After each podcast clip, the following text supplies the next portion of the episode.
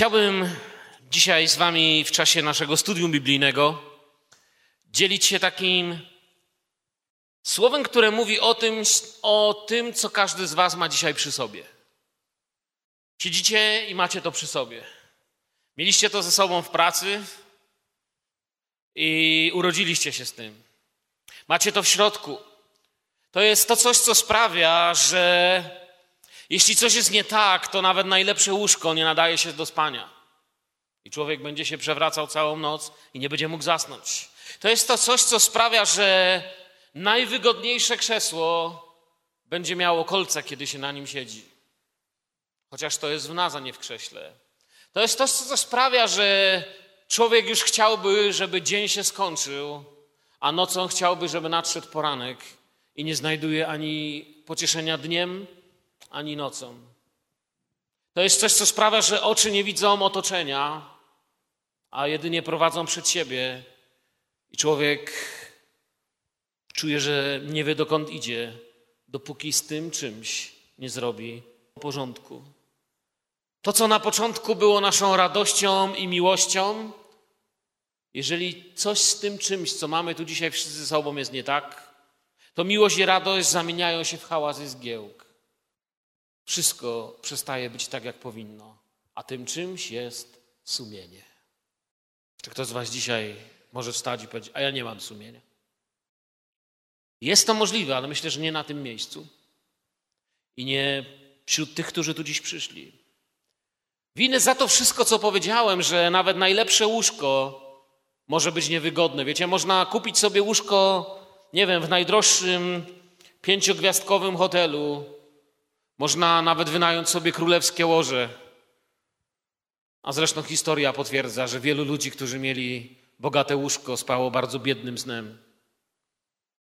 Jeżeli coś jest nie tak z naszym sumieniem, zaczyna życie zamieniać się w cierpienie, ponieważ sumienie jest czymś niezwykłym, o czym dzisiaj do Was chcę mówić. Sumienie jest kimś, kogo nie można zlekceważyć, ale można z nim zrobić tylko dwie rzeczy, żeby się uspokoiło, bo tylko w dwóch wypadkach ma się z nim spokój. Sumienie jest naocznym świadkiem, który będzie miał dużo do powiedzenia przed Bogiem i można go albo zamordować, albo oczyścić, ale nie można się go pozbyć. Można chodzić z nim martwym w sobie, ale dopóki żyje, będzie mówił. Jest najbardziej szczerą częścią ludzkiej natury, ponieważ mówi dokładnie to, można by tak w przenośni powiedzieć, co myśli. Wiecie, o człowieku, który ma nieczyste sumienie, mówią, że nawet poduszka go w nocy przeklina. I tak jest rzeczywiście. Ciekawą rzecz czytałem. Znany pisarz którego znacie, Sir Arthur Conan Doyle, był żartownisiem i napisał do dwunastu swoich przyjaciół taki list. Uciekajcie, wszystko się wydało, już wiedzą. Jaki był zdziwiony, kiedy wszyscy dwunastu albo uciekło z domu, albo wyjechało za granicę. To miał być tylko żart. Okazało się, że każdy z nich nosił w sobie coś, co był przekonany, że wyszło na jaw i mało go za to nie pobili. Wybaczcie teraz osobę, którą zacytuję na tym miejscu, ale również powiedziała coś na temat sumienia. Adolf Hitler powiedział o sumieniu w taki sposób: Sumienie to żydowski wynalazek i tak jak oni powinno zostać zniszczone. Sumienie jest czymś, z czym człowiek ma problem. Sumienie jest czymś, co może być naprawdę trudne do bycia z. I tak jak powiedziałem, każdy z Was sumienie ma, ale są tylko dwa wyjścia. Albo trzeba sumienie zamordować, albo trzeba oczyścić, żeby mieć z nim spokój.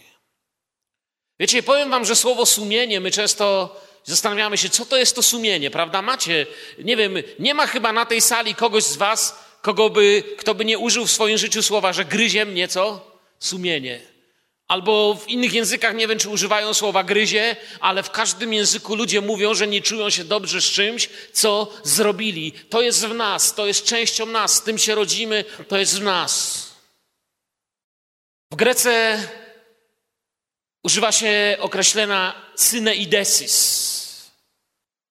W łacinie słowo sumienie to tak dość trudne jest do wypowiedzenia w łacinie conscientia. Powiedziałem, ludzie, przygotowywałem się pół dnia, żeby to powiedzieć. A dokładnie, wiecie, patrzyłem, okazuje się, że słowo sumienie w samym swoim znaczeniu, co znaczy sumienie?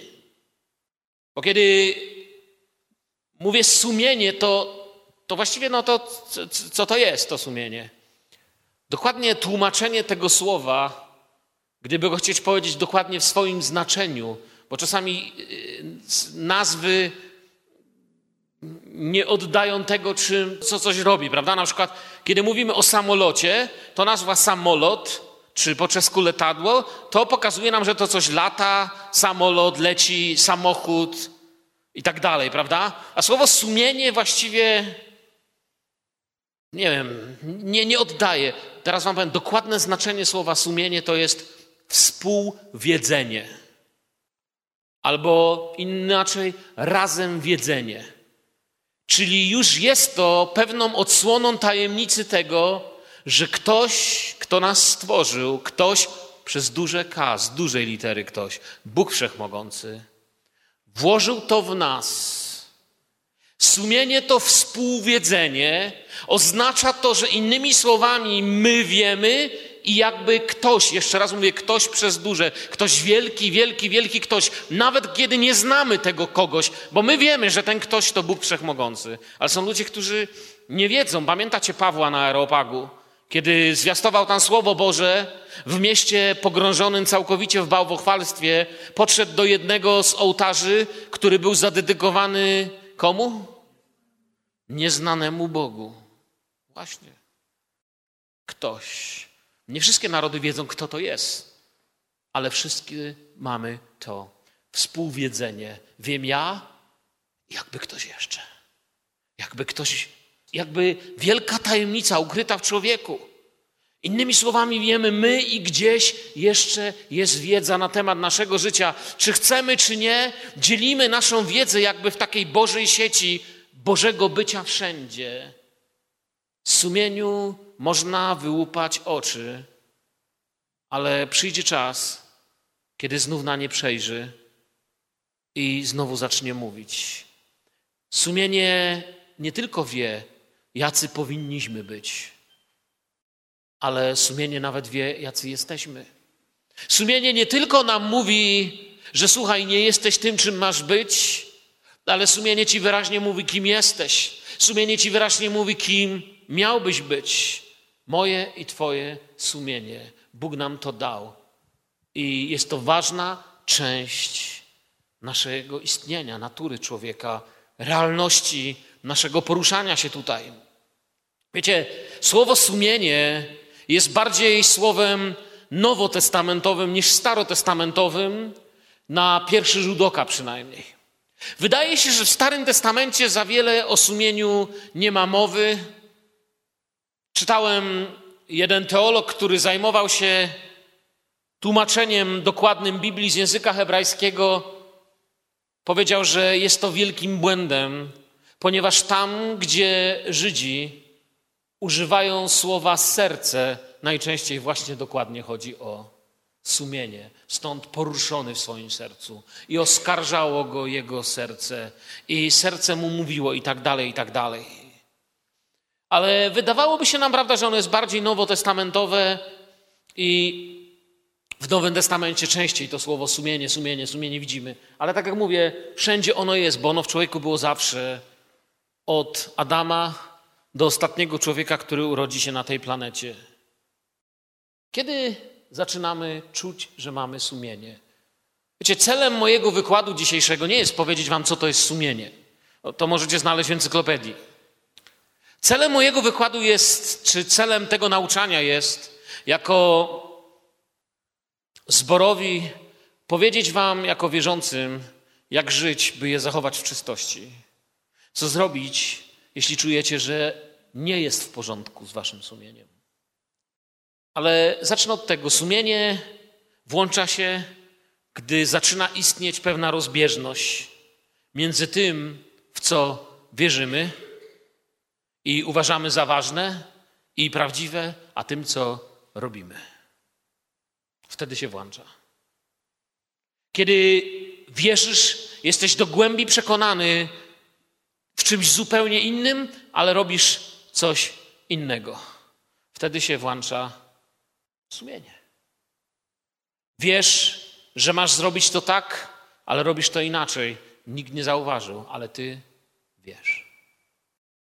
Wiesz, że masz powiedzieć coś, ale nie mówisz, albo mówisz inaczej. Nikt nie wie, ale ty wiesz. Sumienie to mówi. I wiecie, dla mnie niesamowity, niesamowitym odkryciem było to, że sumienie znaczy współwiedzenie, prawda? Jakby nasza wiedza, to co ja wiem, jest jeszcze coś większego niż ja, co też wie. Ktoś. A inni powiedzą coś, my wiemy kto. Ktoś wie. I człowiek może mieć tu problem. Wiecie, sumienie to jest taki cichy głos, który przestrzega. I podoba mi się wypowiedź jednego aktora, Alberto Sordi, włoski aktor. Ja wiecie, nie jestem za dobry w aktorach, nie znam się na aktorach. Wiem tylko, że ten człowiek, nie wiem z jakiego filmu był znany, ale wiem, że był znany przede wszystkim z tego, że tylko Jan Paweł II miał więcej ludzi na pogrzebie w Rzymie niż on w historii Rzymu. Milion ludzi przyszło na pogrzeb tego człowieka. I on powiedział, że takie słowa, sumienie to jest cichy głos, który przestrzega cię, byś nie zostawiał odcisków palców na tym, co złe. Ciekawe podejście. Nie zostawiać odcisków palców na tym, co złe. A my mówimy czasami, że ja do tego nie przyłożę czego? Ręki. Sumieniem nie mogę. I teraz Biblia ma parę rzeczy do powiedzenia, jeśli chodzi o nasze sumienie. Jedną z pierwszych rzeczy to jest to, aby zachowywać w sobie czyste sumienie. Pierwszy list Piotra, trzeci rozdział, od 15 do 16 wersetu jest powiedziane, lecz Chrystusa Pana poświęcajcie w sercach waszych zawsze gotowi do obrony przed każdym domagającym się od was wytłumaczenia się z nadziei waszej. Piękny werset, co? Lecz czyńcie to z łagodnością i szacunkiem. I tu jest to Boże przykazanie. Miejcie sumienie czyste. A dlaczego? Tu nie jest napisane po to, żebyście mogli dobrze spać.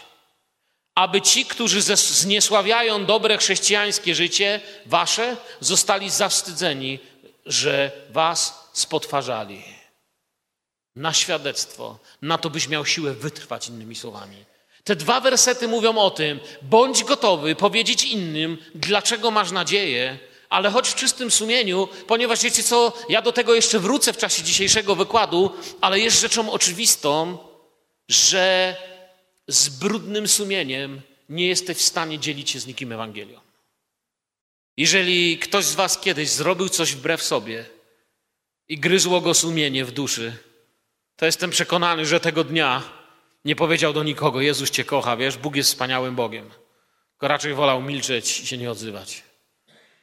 Jak się pokłócisz z żoną albo z mężem, to nie idziesz do roboty jak ewangelista, nie? Raczej myślisz, jak tu wieczorem to wszystko poukładać. Jeśli się z kimś pokłócimy, coś źle zrobimy, nasze sumienie, kiedy zaczyna do nas mówić, przestajemy świadczyć.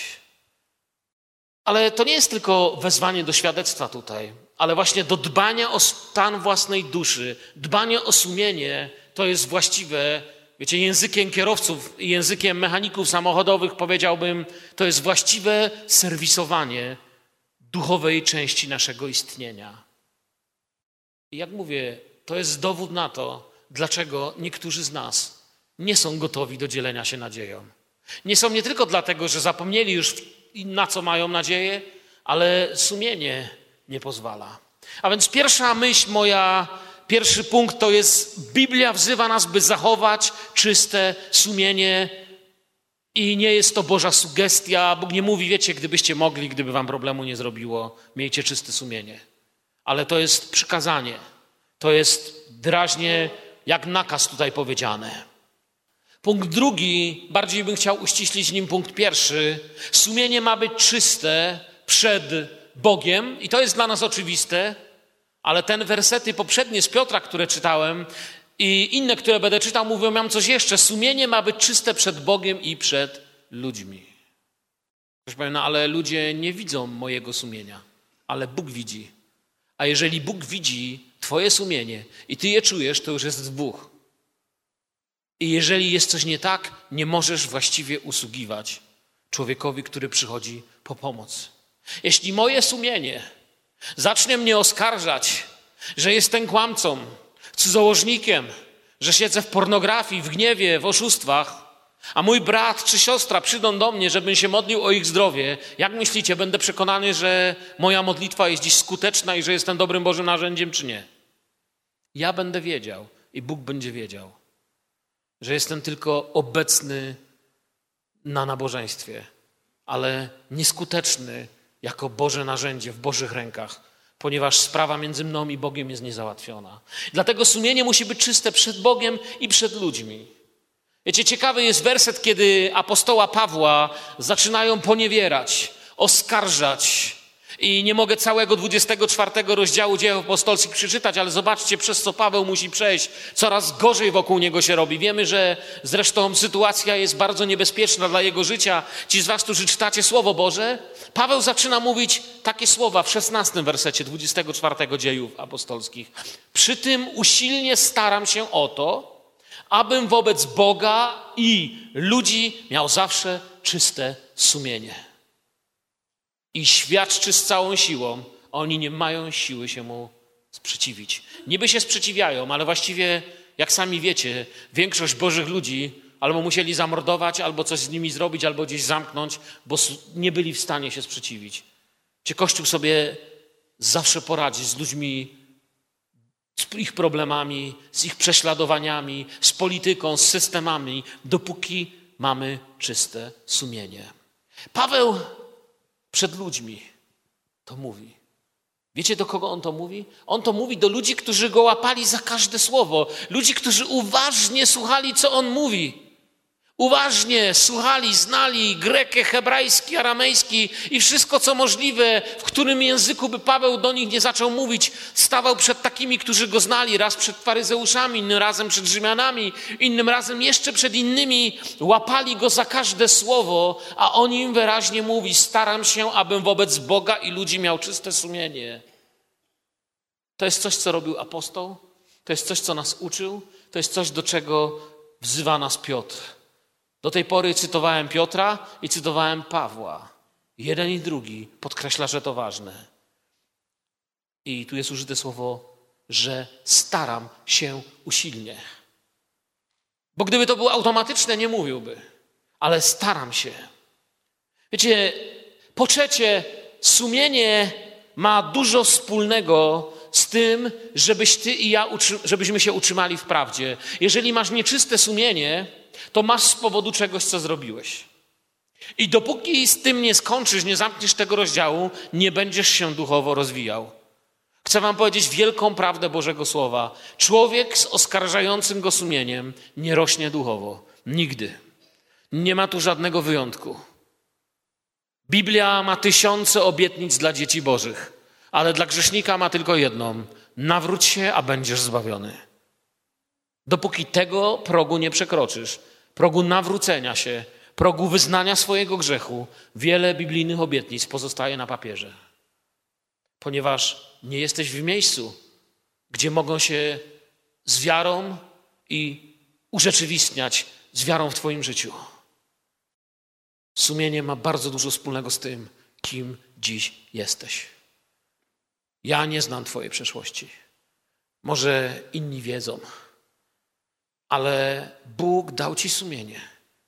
I dopóki nie zrobisz czymś w porządku, nie będziesz duchowo wzrastał. Może ci się jakiś czas, wiecie, sumienie można na jakiś czas uspać.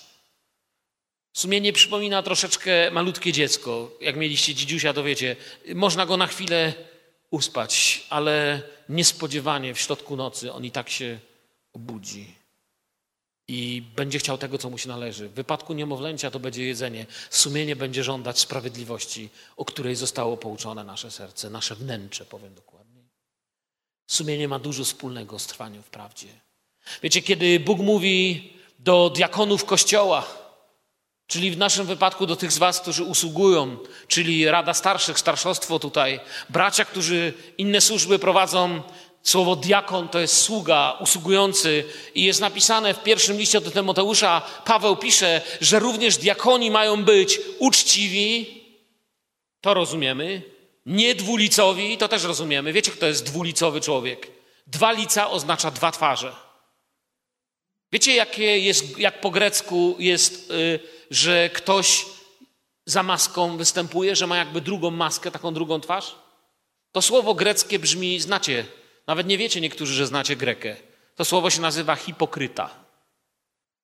Hipokryta był to taki człowiek, który miał taką maseczkę na kiju i raz był on, a innym razem za tą maseczką patrzył. Widzieliście na pewno w starych teatrach albo w filmach mają taką maskę. To jest hipokryta.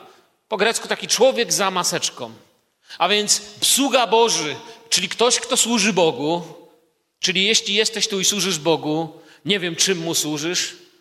O niektórych z Was wiem, że służą Bogu, nie wiem, wśród bezdomnych, służycie y, Bogu nagłośnieniem, służycie Bogu kazaniami, słowem, modlitwą.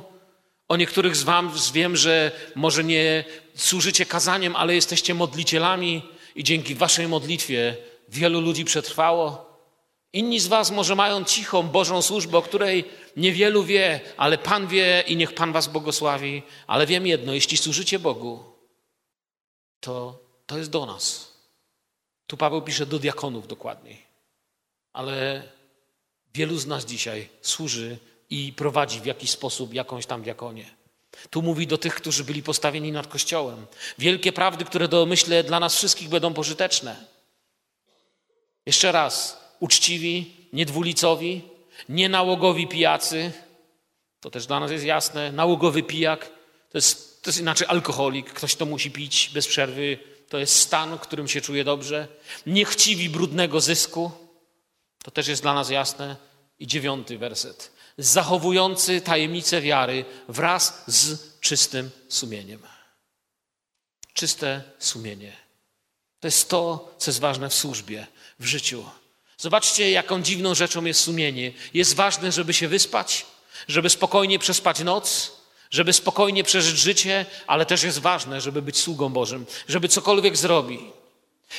Paweł pisze jeszcze inne bardzo mocne słowa do Tymoteusza w czwartym rozdziale. Mówi tak, że duch wyraźnie mówi, że w późniejszych czasach odstąpią niektórzy od wiary i przystaną do duchów zwodniczych. Przystaną do kogo? do duchów zwodniczych, czyli do demonicznych rzeczy, nauk. Tak będzie w czasach ostatecznych i to widzimy. I będą słuchać nauk szatańskich, pisze Paweł. Uwiedzeni obłudą kłamców, naznaczonych w sumieniu piętnem występku. Czyli ludzie ze złym sumieniem, naznaczonym piętnem zła. Piętno to jest znak. My wiemy, że my mamy być zapieczętowani przez Ducha Świętego. Amen. Pamiętacie, kiedyś tu był niesamowity wykład na temat pieczęci Ducha Świętego na naszym życiu. Nie wiem, czy pamiętacie, był gość z Anglii i mówił na ten temat. A tutaj on mówi o ludziach, którzy w sumieniu mają jakieś piętno, jest jakiś występek. Ich sumienie, można by powiedzieć, jest martwe, jest oznaczone znakiem śmierci. I jeszcze raz chcę powiedzieć, sumienie można albo oczyścić, albo zabić. Zwierzęta nie mają sumienia. Zwierzę nie ma sumienia. Ale zwierzę ma coś takiego, co nazywa się instynkt. Patrzymy na zwierzęta i widzimy, jak instynkt nie mówi, kiedy będzie wiosna, kiedy będzie lato. Jesienią zbierają się, odlatują. Łososie płyną do oceanu, a potem w Kanadzie płyną w górę rzeki do tego samego miejsca, w którym się urodziły. Czasami tysiące kilometrów przepłyną rzekami. Gdybyście takiego łososia złapali, choćbyście go pocięli na najdrobniejsze kawałeczki, nie znajdziecie w środku mapy ani GPS-u. On ma instynkt. Zwierzęta w lesie, zwierzęta, które otaczają nas tutaj, mają instynkt. Instynkt im mówi co mają robić. Instynkt ich uczy, że coś jest łatwe, coś jest trudne. Instynkt uczy ich siły przeżycia. Ja na przykład obserwuję naszego dzięcioła. Dalej z nim walczysz? Nie wiem, czy wiecie, nasz kościół został zaatakowany przez dzięcioła. Nasz dzielny administrator z nim walczy. Dzięcioł pruje nam dziury w murze, bo odkrył, że po co się męczyć z drzewem, jak styropian łatwiej pruć. Stąd te ptaszki czarne, które widzicie ponaklejane. No nie tutaj, tam na zewnątrz. Ponieważ on się nauczył, on ma instynkt. Co chcę wam powiedzieć? Zwierzę ma instynkt, instynkt mu mówi, jak działać. My mamy inteligencję. Jej częścią głęboką, częścią nas, nie tylko inteligencji, ona jest całkiem obok, jest sumienie. Ja dziś nie chcę robić wykładu z psychologii, bo ani nie mam do tego, wiecie, nie, nie jestem właściwą osobą do tego, ale chcę wam coś ważnego powiedzieć. Sumienie można zabić tak, jak można zabić instynkt zwierzęciu. Wiecie przez to? Przez zniewolenie. Są takie zwierzęta. Pamiętam, kiedyś oglądałem program zoologiczny i człowiek niedźwiedzia wykarmił, miśka znalazł. I wiecie, pytali go, czy go puści kiedyś do lasu tego niedźwiedzia. Czy będzie z nim tak całe życie żył człowiek w Kanadzie koło domu miał psy, a razem z psami biegał niedźwiedź. Ten niedźwiedź śpiał budzie, jadł z tej samej miski, co jadły psy. Ja, jest, ja jestem przekonany, że ten niedźwiedź myślał, że jest psem. I nie wiedział, że jest niedźwiedziem, bo się jest całe życie. On go znalazł, jak był mały, leżał w dziurze, był poraniony, wziął, opatrzył. Wiecie, pytali go, czy on go kiedyś puści. On mówi, ja go nie trzymam, ale on nigdzie już nie pójdzie, ponieważ on stracił instynkt. On by zginął z głodu. On myśli, że wszystkie niedźwiedzie dostają jedzenie na misce. On nie wie, że, że można to inaczej zrobić. Podobnie jest człowiekiem, któremu zabije niewola diabelska sumienie. Człowiek ma sumienie, ale jest piękny Boży cud, nazywa się nowozrodzenie. Bóg nas może odrodzić, Bóg nas może włożyć na nowo, że poczujemy. Sumienie potrafi się obudzić, nawet bardzo mocno zbite. Człowiek odpowiednio długo trzymany w niewoli nie umie również żyć w wolności. I odpowiednie długie trwanie w otoczeniu zła sprawia, że sumienie milknie. Wiecie, gdzie to wyraźnie widziałem? Oglądałem kiedyś film o organizacji, która zajmowała się dziećmi w Afryce, które były porywane z wiosek jako małe dzieci i szkolone na zabójców. Bezlitosnych zabójców. Co się okazywało, kiedy ci misjonarze i inni pracownicy psycholodzy, misjonarze, modliciele, wszyscy, którzy się nimi zajmowali, wkładali w nich swoją miłość, dawali im Ewangelię. Pewnego dnia mówili, dzieje się coś niesamowitego. Przychodzi dzień, kiedy niektórzy z tych zbuntowanych nastolatków przeżywają potężny wybuch, zaczynają płakać. Dociera do nich, kim są. Budzi się to, właśnie o czym dziś mówimy. Budzi się sumienie, budzi się w nich życie, budzi się w nich człowiek. Po czwarte, o sumieniu co mogę powiedzieć? Wspomniałem o tym, powiem teraz więcej. Sumienie nie lęka się mówić i nigdy nie czeka na dobrą sytuację ani okazję. Sumienie jest tym rodzajem przyjaciela, dla niektórych wroga, który nie będzie czekał, aż będzie właściwy moment. On po prostu działa, nie boi się. Wiecie, Sumienie może mówić w dowolnej sytuacji. Ciekawą rzecz powiedział tutaj Hiob. Mówiłem wam, że w Starym Testamencie rzadko jest używane słowo sumienie. Przeczytam wam miejsce, gdzie jest użyte słowo sumienie. Podtrzymuję moją sprawiedliwość i nie puszczę jej. Moje sumienie nie potępia żadnego mojego dnia. Księga Hioba 27:6. Moje sumienie, mówi Hiob, nie potępia żadnego mojego dnia. Innymi słowami, moje sumienie nie mówi mi, abym w którymkolwiek dniu zrobił coś przeciw Bogu. W tam wypadku o to chodzi. Chcę Wam powiedzieć ważną rzecz teraz o sumieniu. Sumienie nie jest nieomylne. Sumienie korzysta z tego, co w nas jest włożone, ale jest wierne swoim poglądom. Dlatego ważne jest, czym się człowiek karmi i na czym wzrasta. Bo sumienie nie jest nieomylne. Sumienie korzysta z tego tylko, co ty mówisz, że jest prawdą. Sumienie korzysta tylko z tego, co ty nazywasz dobrem. Sumienie korzysta z tego, co, co masz. Dlatego ważne, czym się żywisz, ważne, czym się karmisz i wzrastasz. Dlaczego właśnie się mówi, że niektóre rzeczy są szkodliwe, ponieważ zabijają nasze sumienie. Dlatego dbamy co dostaną nasze dzieci. Moje dzieci wiedzą, że ja nie jestem ogólnie w ogóle zwolennikiem gier na przykład. Nie lubię ich i dla, nie tylko nie jestem, ja ich po prostu nie lubię. Ale wiedzą, że mam alergię, szczególnie chłopcy, bo z dziewczynami nie mam problemu tego typu. Jeżeli w jakiejś grze jest strzelanie do ludzi i miałyby lecieć z nich flaki i krew, jestem przeciwko. Jestem całym sercem przeciwko i oni o tym wiedzą. Że jeżeli to robią, robią to wbrew mnie, gdyby to zrobili. Wierzę im, że nie robią, ale gdyby zrobili, było to wbrew mnie. Ponieważ wiem, że jest to pułapka na nich, która ma sprawić, by ich sumienie ucichło w pewnych sprawach. Sumienie odzywa się nawet wtedy, kiedy jest nieproszone. Odzywa się, kiedy chce. Jak mówię, troszkę go tak personifikuję tutaj, jest po prostu, nie lęka się mówić wtedy, kiedy jest na to po prostu sytuacja, dzieje się, ono mówi. Nie czeka, aż będziesz miał lepszy humor, aż będziesz miał lepszy dzień.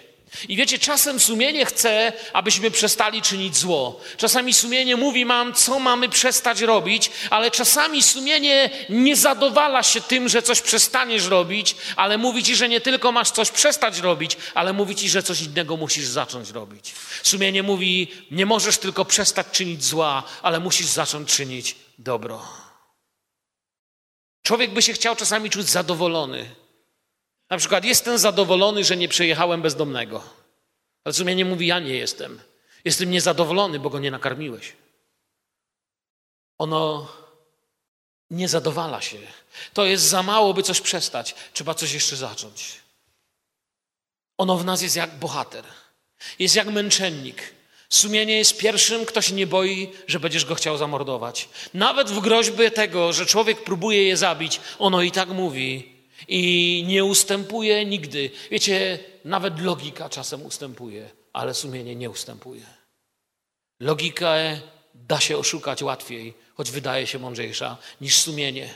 Ono podnosi głos przeciwko tyranii naszego ja, przeciwko temu, kiedy człowiek zaczyna czynić to, co niesprawiedliwe. Ono mówi przed czynem, mówi podczas czynu i mówi po tym, kiedy coś robimy. Zanim to zrobimy, mówi to jest złe. Kiedy to robimy, mówi nadal nie zmieniłem zdania, nadal to jest złe. Kiedy to skończymy, ono mówi nadal nie umilknę. Zrobiłeś to, jest jeszcze gorzej. Mówiłem ci, żebyś tego nie robił. Sumienie jest takim mówcą, jest męczennikiem, który nie boi się być zamordowanym.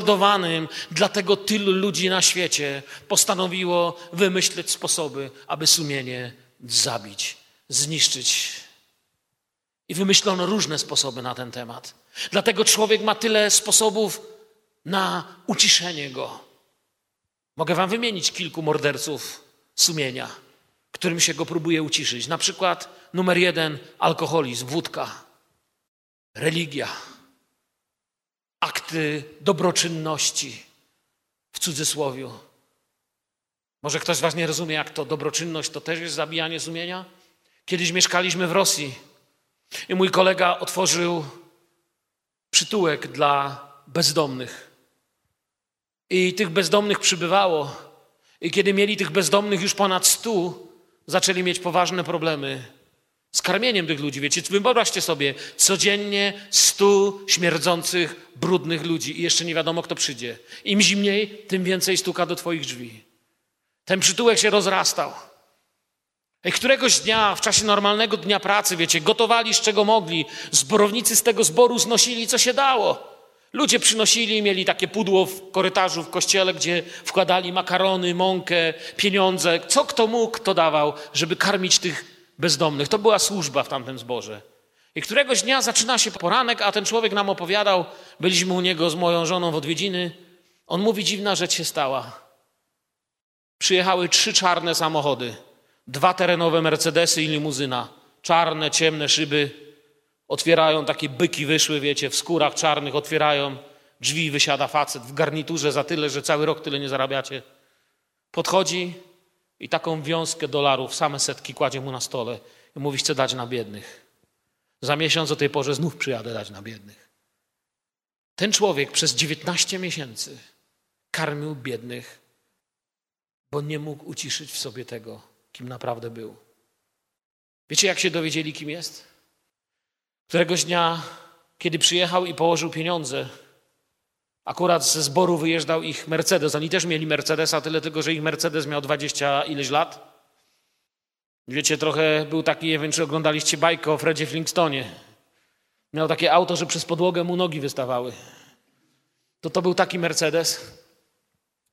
Stary, zardzewiały, który chmurę czarnego dymu za sobą zostawał, woził chleb, pracował dla tej misji bezdomnych. I ten człowiek przyglądał się temu Mercedesowi i mówi do nich: Tego Mercedesa chcę jutro widzieć w serwisie, a odwieźli tam swój samochód.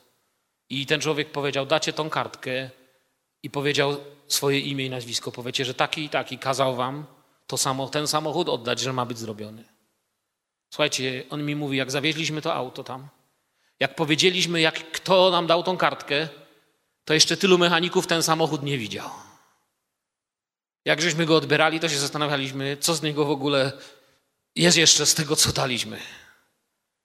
Okazało się, że to jest jeden z największych mafiozów, przestępców w danej okolicy.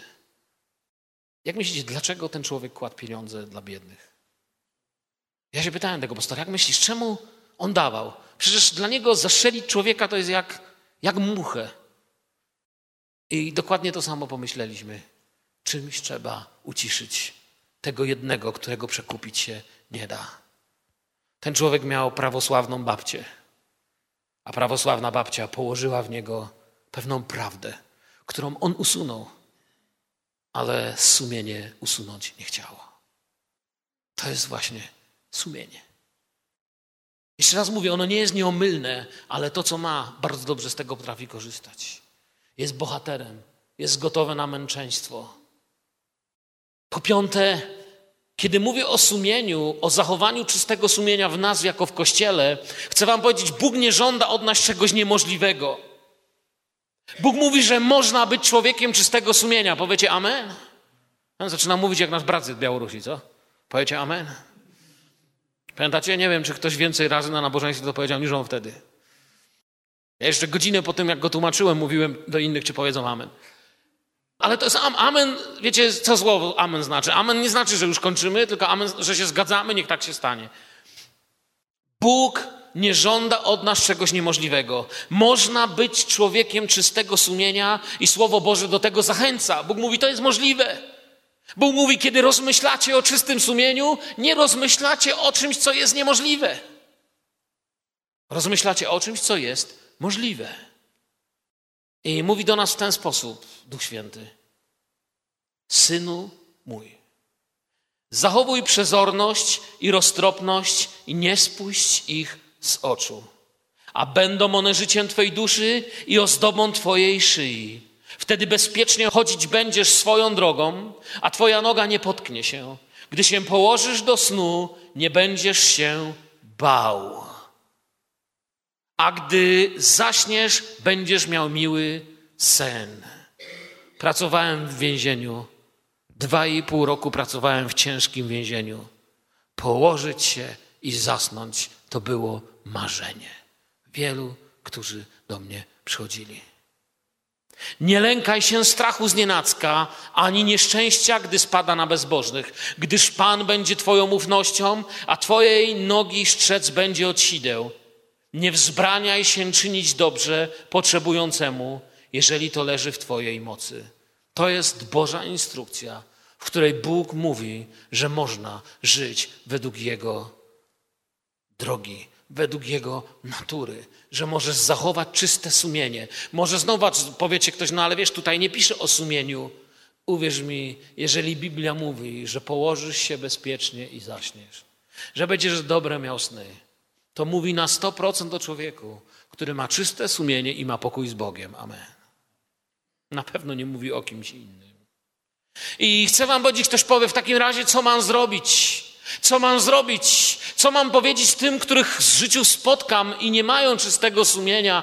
Wiecie, już mi się chce przeczytać ten werset, ale jeszcze teraz tego nie zrobię, później to zrobię, ale już mi się nasuwa ten sam werset, co wam. Pójdźcie do mnie wszyscy, którzy jesteście. Co? Naprawdę? On, Pan Jezus nam to powiedział. Wiecie, Biblia mówi w liście do Hebrajczyków, że jeśli krew kozłu i wołów oraz popiół z jałowicy przez pokropienie uświęcają skalanych i przywracają cielesną czystość, O ileż bardziej krew Chrystusa, który przez Ducha Wiecznego ofiarował samego siebie bez skazy Bogu, co zrobi? Słuchajcie uważnie. Oczyści sumienie nasze od martwych uczynków, abyśmy mogli służyć Bogu żywemu. Oto definicja. Słuchajcie, po co ja tyle mówię? Starczyło to przeczytać. Oczyści sumienie nasze, a po co? Abyśmy mogli służyć Bogu żywemu. Bez tego Bogu żywemu służyć nie możemy. To jeszcze kawałek ze Słowa Bożego. Mając więc, bracia, ufność, iż przez krew Jezusa mamy wstęp do świątyni, drogą nową, żywą, którą otworzył dla nas przez zasłonę, to jest przez ciało swoje oraz kapłana wielkiego nad domem Bożym, wejdźmy na nią ze szczerym sercem, w pełni wiary, oczyszczeni w sercach od złego sumienia i obmyci na ciele wodą czystą.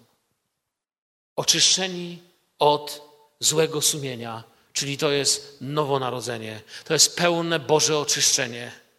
Kiedy serce kamienne zamienia się w serce mięsiste, kiedy wszystkie brudy człowieka zostają położone pod krzyżem Golgoty, a potem obmyci wodą, kiedy w duchu wchodzimy przez Boże Nowozrodzenie, kiedy doświadczamy chrztu, kiedy doświadczamy całkiem nowego Bożego życia. On mówi: Macie wejście, możecie żyć, możecie być ludźmi czystego sumienia. Trzymajmy się niewzruszenie nadziei, którą wyznajemy, bo wierny jest ten, który dał obietnicę. Kończy się ten fragment. Hebrajczyków 10, 19, 23, a wcześniej czytałem Hebrajczyków 9, 14. Jezus jest odpocznieniem. To mi się właśnie nasuwa. Odpocznieniem dla ludzi zmęczonych. Ludzi ze zmęczonych sumienie, pójdźcie do mnie, którzy jesteście obciążeni. Ja wam dam co? Odpocznienie albo ukojenie. Ja, ja wam dam uciszenie. To jest u mnie. Dlaczego potrzebuję czystego sumienia? Myślę, że odpowiedziałem. Ale jeżeli ktoś nie usłyszał tego w tych wersetach, powiem to jeszcze raz. Tak wybaczcie, na chłopski rozum to powiedzmy. Potrzebuję czystego sumienia, by mieć wolny plac budowy do budowy nowego życia. Potrzebuję czystego sumienia, podsumowując to, co powiedziałem, aby mieć odwagę do głoszenia. Dlaczego mówimy dziś tutaj o tym, że potrzebujemy czystego sumienia? Ponieważ wszyscy, zarówno my tutaj siedzący na tym nabożeństwie, jak i ci, których znamy za murami naszego budynku, potrzebujemy oczyszczać siebie. Ja w życiu popełniam tyle błędów, że tego ciągle potrzebuję, a wy? Wiele razy niechcąco, a czasem w gniewie. Na pewno jest to inne niż było kiedyś. Jestem uczniem Jezusa i jestem w przedszkolu gdzieś tam, czy w pierwszej, drugiej klasie oczko wyżej niż byłem. Rozwijam się, ale ciągle wiem, że nie jestem jeszcze tym, czym Bóg planuje mnie kiedyś widzieć. Niestety nie zdarzyło mi się, żebym się rano obudził, a nad moim głosem rozległ się Boży głos. Mirek, wiesz co, ty to właściwie już jak Jezus jesteś. Nie. Ciągle rozlega się inny głos. Chodź za mną, naśladuj mnie. Chodź. A więc potrzebujemy czystego sumienia. Jeszcze raz, by mieć odwagę głoszenia, by mieć wolność do doradzania i rozwiązywania problemów tych, których kochamy, aby mieć wolność do tego, aby stanąć w autorytecie modlitwy nad naszymi domami, naszymi dziećmi, nad naszymi sprawami, by odróżnić wysiłek od odpoczynku, bo człowiek z brudnym sumieniem nigdy nie odpoczywa. On ciągle żyje w wysiłku. Jeśli to powiedziałem, to następne pytanie, co więc zrobić? W jaki sposób można doświadczyć oczyszczenia sumienia? Może nie wiem, może nie powinienem to mówić w tym gronie, ale chcę to powiedzieć, ponieważ wiem, że być może wy pójdziecie gdzieś i spotkacie człowieka z brudnym sumieniem i pomyślicie, no dobrze, Mirek nam mówił o sumieniu, powiedział nam, co to jest sumienie, powiedział nam, jak wygląda, kiedy coś jest nie tak, powiedział nam, dlaczego potrzebujemy czystego sumienia, ale nie powiedział nam, co zrobić, kiedy, kiedy nie ma czystego sumienia. Większość z Was pewnie wie, ale i tak to powiem. Po pierwsze, uznaj, że nie wyczyścisz swojego sumienia sam. Mówię to do tych z Was, którzy myślą, że zrobią to sami, albo którzy znają kogoś, kto tak myśli. Nie wyczyścisz swojego sumienia sam, jeżeli nie chcesz zabić swojego sumienia, ale chcesz, żeby zostało oczyszczone, może to zrobić tylko Pan Jezus Chrystus. Amen.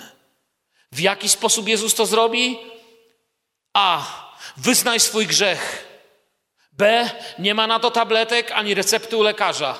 Mogą cię, mm, jakie chcesz leki dać. Mogą cię uspać i uciszyć, ale sumienia nie oczyścisz, dopóki nie wyznasz swojego grzechu i z wiarą nie uwierzysz, że jeśli wyznajemy nasze grzechy Bogu, Bóg jest wierny, sprawiedliwy i odpuszcza nam nasze grzechy. A, B, C. Jest Bóg, który Cię kocha. Bóg Cię tak bardzo kocha, że chce mieć z Tobą relację. Przeszkadza w tym brudne sumienie. Jeśli wyznajemy grzechy nasze Bogu, Bóg jest wierny i sprawiedliwy i odpuści nam nasze grzechy. Taki jest nasz Bóg, bo Bóg Cię kocha. Po drugie, jak powiedziałem, pierwsze wyznaj, pokutuj, całość tego to miało na myśli. Uznaj, że nie wyczyci swojego sumienia sam. Po drugie, napraw to, co można i przeproś za to, co się da. Gdzie kiedyś miałem niesamowitego kolegę. Mieszka zresztą całkiem niedaleko stąd, czasami się widujemy. Nawrócił się, Poznał Pana Jezusa. I wiecie, co to jest, kiedy człowiek pozna Jezusa, prawda? To jest ta pierwsza, co? Miłość. I wiecie, co ten facet zrobił? Wyznał swoje grzechy, przeprosił kogo się dało, ale była jeszcze jedna rzecz, którą musiał zrobić. Poszedł na komendę policji. Wchodzi, a tam tacy, wiecie, policjanci zmęczeni życiem siedzą. On mówi, dzień dobry panowie. Oni mówią, słuchamy, w czym możemy pomóc? A on mówi, właściwie panowie mi nie mogą pomóc, już mi Bóg pomógł, ale ja przyszedłem panom pomóc. I mówi, dnia takiego i takiego, pięć lat temu włamanie było do takiego, takiego sklepu, zgadza się? Oni mówią, no nie wiemy, sprawdzimy. Dnia takiego i takiego włamanie było do takiego sklepu.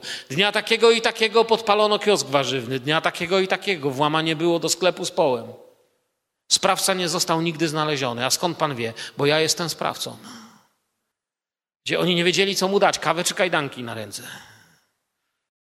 W końcu jeden wstaje i mówi, pan co, pan się nie gniewa, ja muszę pana aresztować. Cię chyba pierwszy raz aresztował kogoś, mówiąc mu, żeby się nie gniewał. Bo z reguły nie wiem jak u was, prawda, tutaj, ale zdecydowanie wiem jak w Rosji i w Polsce, bo tam pracowałem w więzieniach, tu nigdy w więzieniu nie byłem. Policja nigdy nie przychodzi, nie mówi do przestępcy, przepraszam, wiemy, że ranimy twoje uczucia, y, czy mógłbyś się położyć, bo chcielibyśmy cię skuć. Tak nie mówią. Prawda? Wiecie, oni nie wiedzieli, co z nim zrobić. A, czemu Pan tu przyszedł? On mówi, tak jak powiedziałem, Pan Jezus Chrystus zmienił moje życie. I czuję, że powinienem to powiedzieć. Wiecie co? Zobaczyłem ciekawe rzeczy. Byli ludzie, którzy się z niego śmiali. Ale oni się śmiali, przestali się śmiać i poszli spać tak samo nieszczęśliwi, jak byli. A on był pierwszym człowiekiem, którego wieźli do aresztu śledczego w Bielsku Białej. Z uśmiechem na twarzy za kratkami. On już był wolny. Posiedział tylko do rozprawy. Na rozprawie, zresztą wcześniej go puścili przed rozprawą. Na rozprawie sędzia, wiecie co powiedział? Słowa, które przejdą do historii jego życia jako świadectwo. Proszę pana, ja nawet nie wiem, jak pana skazać. Ja nie wiem, jak pana skazać. Oni nie wiedzieli, co z nim zrobić. Co, co się robi z takim człowiekiem? On nie tylko się przyznał, on się potępił. Gdybyśmy sami siebie osądzali, nie podlegalibyśmy sądowi i niepodległo. Puścili go. Idź i głoś Ewangelię, Pan Jezus do niego powiedział. A więc powiedziałem A, uznaj, że nie wyczyścisz swojego sumienia sam. B, idź i przeproś każdego, wobec kogo oskarża cię twoje sumienie, że powinieneś mu to powiedzieć. C, zmień sposoby działania. Innymi słowami, co chcę teraz powiedzieć, jeżeli przeprosiłeś i wyznałeś swój grzech i wiesz, że jest człowiek dostępny, którego możesz przeprosić, a również wyznałeś swój grzech Bogu, to już przestań do tego wracać. Uwierz, bo niewiara to też jest grzech. Uwierz, że jeśli wyznałeś swój grzech Jezusowi, to ten grzech został obmyty przez krew baranka. Chwała Jezusowi. Cieszycie się czy nie? Zmieniłeś skargę moją taniec, mówi psalmista. I rozwiązałeś mój wór pokutny, abym Ciebie mógł chwalić z radością. A religia robi na odwrót. Religia chce, żeby taniec zmienić w skargę, a chwały najlepiej w jakiś wór pokutny i zrobić z kościoła muzeum. Pastora zrobić kustoszem, a was eksponatami na wymarciu. Zmień sposób działania, idź do przodu, zostaw to. Pamiętaj o Bożej łasce, a nie o ciężarach win, które zostały wyznane. Przyjmij biblijną prawdę. Na koniec, jak utrzymać czyste sumienie? To też chcę powiedzieć. Po pierwsze, jeśli chcesz utrzymać czyste sumienie, musisz się karmić Słowem Bożym. Macie Słowo Boże? Musisz się karmić, żeby ono stanowiło grunt, na którym Twoje sumienie jest położone. Im więcej go w sobie będziesz miał, tym Twoje sumienie będzie miało więcej argumentów, by Ci mówić, co jest dobre, a co złe. Innymi słowami, bo Słowo Boże nazywa się Słowo Boże, dlatego że jest natchnione od Ducha Świętego i przez nie Pan do nas przemawia. Między innymi codziennie spędzaj czas z Panem. Nigdy, nigdy nie miałem poczucia winy, że spędziłem czas z Panem, a Wy? Zdarzyło się Wam, że spędziliście czas z Panem, mieliście poczucie winy? Chyba tylko wtedy, jak wiedziałem, że nie wiem, może jakbym wiedział, że mam coś do roboty i nie zrobiłbym, może wtedy, ale wtedy to nie byłby czas z Panem, tylko ze sobą. Odetnij drogę wszelkiej nieczystości. Zobacz, czy nieczystość nie ma do ciebie dostępu. Jeżeli odwiedzają cię plotkarze, powiedz im, na jakich warunkach wolno rozmawiać w twoim domu. Jeżeli oglądasz pornografię, znajdź człowieka, który pomoże ci wyjść z tego, ponieważ z tego da się wyjść. Jeżeli masz jakikolwiek inny dostęp zła do siebie, da się złu odciąć drogę i zrób to. Bądź uczciwy w zarządzaniu swoimi finansami i w tym, co o nich mówisz. Spędzaj czas z rodziną, zrobisz mniej głupot. Ja zobaczyłem, że ja kocham gdzieś pojechać. Ja sobie nie wyobrażam raz na czas po prostu gdzieś moich nie zabrać. Nie cierpię tylko centrów handlowych, a reszta mnie się podoba. Uczciwie pracuj tam, gdzie cię postawiono. Nie kłam, bo nie musisz. Bóg kocha prawdę. Dziel się Ewangelią. Zobacz, kto wokół z tych, którzy cię otaczają, okrada cię spokoju i radości. Zrób z tym coś. Znaczy, że coś jest bardzo nie tak, jeśli jakiś człowiek zabiera ci pokój i radość. A czy już dzisiaj, na tym kazaniu, które dziś głosiłem, na tym nauczaniu, czy już musiałeś oszukiwać samego siebie? Jeśli tak, to znaczy, że coś jest nie tak. Zadbaj o swoje sumienie, możesz mieć pokój. Bóg daruje pokój. Poproś Pana, aby Cię uczynił czułym na Jego głos. To jest to, co ja proszę. Wiedz, że nie ma innego sposobu oczyszczenia jak Jezus. I kończąc, powiem Wam tylko pewną historię. Prawdziwą historię, którą kiedyś przeczytałem i normalnie bardzo mnie poruszyła. Czytałem mianowicie o policjancie, który pewnego dnia jadąc w drodze do pracy, potrzebował na stacji benzynowej znaleźć jakąś kartę i zauważył, wiecie co, że ma przeterminowane prawo jazdy. A zgodnie z przepisami w jego kraju za przeterminowane prawo jazdy był mandat. Wsiadł do radiowozu i wypisał sobie mandat. Został za to wezwany do. To się działo w Stanach Zjednoczonych, więc tam zostaje człowiek wezwany przez takiego rodzaj sędziego to jest. Został za to wezwany przez sędziego do swojego miasteczka na rozmowę. Tak się ta sprawa potoczyła z tym mandatem. I ten sędzia zadał mu pytanie, wiecie, i, i, i prasa przy tym była, bo nie mogli uwierzyć, jak to sam sobie policjant mandat wypisuje. Wyobrażacie sobie? I ten sędzia go pyta, jak mogłeś sam sobie wypisać mandat? Co my mamy z tym zrobić? Sędzia go pyta zdziwiony, a ten policjant jeszcze bardziej poruszony mu odpowiada: A jak mógłbym wypisać mandat komukolwiek innemu, jeśli dzisiaj nie wypisałbym mandatu sobie i być sprawiedliwym i właściwie pracować w policji? Może mi sędzia odpowiedzieć? Więc on nic nie odpowiedział i przyjęli jego mandat i zapłacił te ileś tam setek dolarów. Jeszcze raz mówię, nie opowiadam wam bajki. Jest dla mnie przykładem ktoś taki tego, kim powinniśmy być. Czy ja, szczerze mówiąc, nigdy na siebie nie nakrzyczałem po powrocie do domu. Szczerze mówiąc, chyba nigdy byśmy się nie ukarali. Łatwiej mi przychodzi widzieć cudze winy niż własne.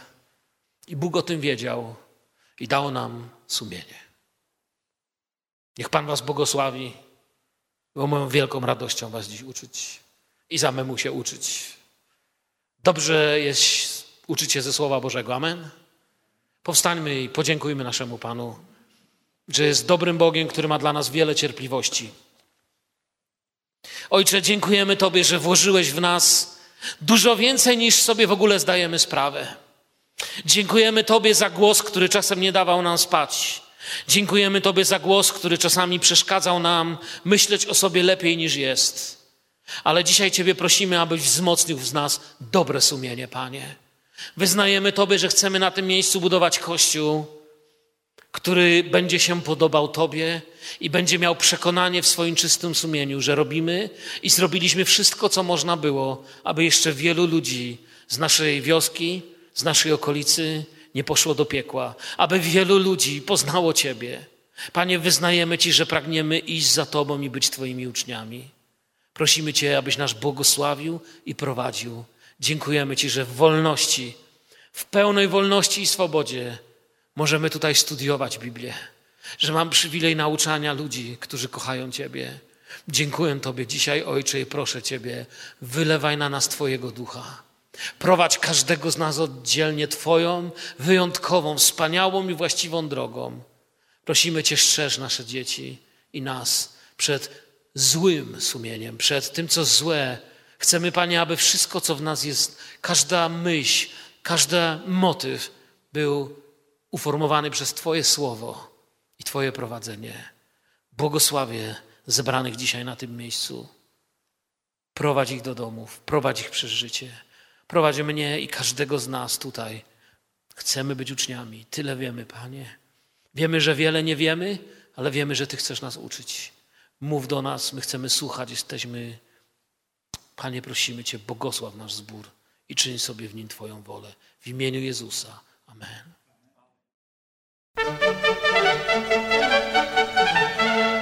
Wykład ten został nagrany podczas nabożeństwa w zborze Kościoła Braterskiego w Grudku. Po więcej informacji o naszej społeczności zapraszamy na stronę www.naskale.info. Zapraszamy do słuchania i życzymy błogosławionego czasu z Bogiem.